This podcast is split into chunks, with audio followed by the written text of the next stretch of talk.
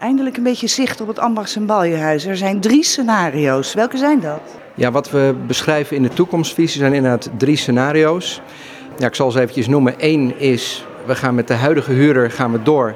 En de activiteiten die hij ja, voor het laatst had, dus restaurant uh, Flores 5 met een bar erin, ja, dat wordt gewoon hervat en dat blijft het ook. En het boutique hotel?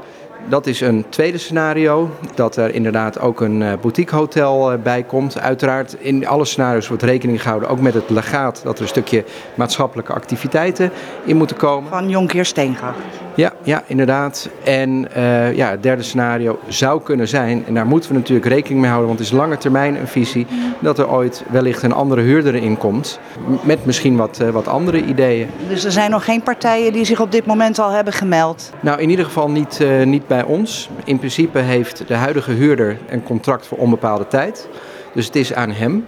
Ja, mocht hij misschien ook uh, partijen vinden die zeggen, nou ja, neem mijn contract over, dan is dat een optie. Of als hij zegt, ik beëindig mijn contract, ja, dan kunnen wij als gemeente ook kijken of er andere partijen zijn. Maar ja, misschien qua invulling, want dat willen we natuurlijk weten. We hebben die participatieavonden gehad. Jullie hebben natuurlijk ook een participatieavond uh, georganiseerd. En wat we merken is dat daar toch het, uh, ja, het meest draagvlak is. Echt wel voor een stukje horeca, dus restaurant zoals het nu is.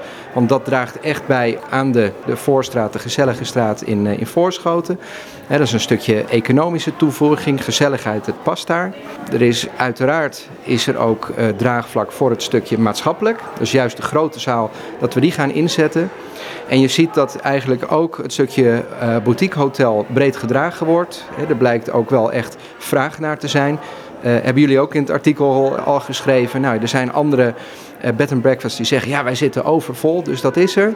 Maar wat we ook wel hebben uh, gezegd in de toekomstvisie, ja, er is ook wel iets meer mogelijk. In principe is hier draagvlak voor. Maar het zou ook zomaar kunnen dat de bovenverdieping, de kamers worden gebruikt, bijvoorbeeld voor een stukje kantoorruimte. Dat zou kunnen. Nou, ligt die visie er? Is, die is aangenomen. Wat nu? Nou, nu gaan we in ieder geval de scenario's verder uitwerken. We gaan dus ook verder in gesprek met de huidige huurder, wat hij nou uh, precies wil. In principe dit heel ver in lijn met zijn eigen plannen natuurlijk. Dus we, verwachten dat dat de goede kant op gaat. En in de tussentijd gaan we in ieder geval proberen zo snel mogelijk de urgente zaken te herstellen. Zoals het dak, maar ook kozijnen, et cetera, et cetera. En ja, bij de uitwerking verder van het scenario gaan we kijken wat we nog meer moeten doen en wanneer. En wanneer verwacht u dat die uitwerking er is? Daar gaan we even naar kijken. Dat heeft ook te maken met welk scenario het is uh, uh, uiteindelijk. Maar we proberen daar ja, toch wel halverwege volgend jaar dat we in ieder geval dat, uh, dat rond hebben. Voor de zomer?